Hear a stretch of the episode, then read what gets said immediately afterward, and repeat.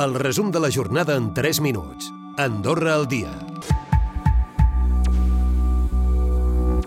L'actualitat al voltant de l'habitatge continua sent la protagonista i és que la congelació dels lloguers ha permès a moltes famílies mantenir les rendes dels pisos davant la pèrdua de poder adquisitiu. Els propietaris de béns immobles, però, fa temps que demanen la descongelació dels contractes i celebren que el govern obri la porta a començar a aixecar aquesta mesura. Escoltarem a Artur Oms, el vicepresident de l'Associació de Propietaris de Béns Immobles. Pensa que el, el 80-90% dels lloguers estan a preus molt raonables. Val?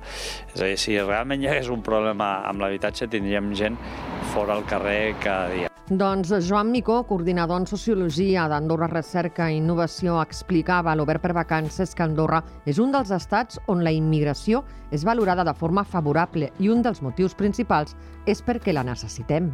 Dintre de pocs anys cada cop necessitarà més gent, perquè a l'envellir-se la població, simplement per reemplaçar les persones que seran, que seran, no seran de jubilar, uh -huh. pues no, tenim, no tenim suficients fills, és un procés irreversible. Llavors, clar, això, com passa també a altres ciutats europees, és, una, és un procés complex. Detectat un brot de coronavirus al Cedre, quatre usuaris han donat positiu per la Covid-19, segons confirma el SAS. Tots estan vacunats i presenten simptomatologia lleu amb tos i febrícula. Hores d'ara resten aïllats i s'han activat els protocols de prevenció i seguretat. I d'altra banda, el pont de la Mare de d'Agost és un dels més forts de l'estiu pel que fa a l'arribada de turistes. Enguany, Mobilitat espera igualar les xifres del 2019. Escoltarem a Daniel Boneta, tècnic del Departament de Mobilitat. Aquest any, eh, hem, hem, per fer les previsions, hem anat a mirar 2019, que és, també va ser un pont de 4 dies, i jo crec que estem al voltant d'uns 70.000 vehicles que entraran al Principat entre les dues fronteres.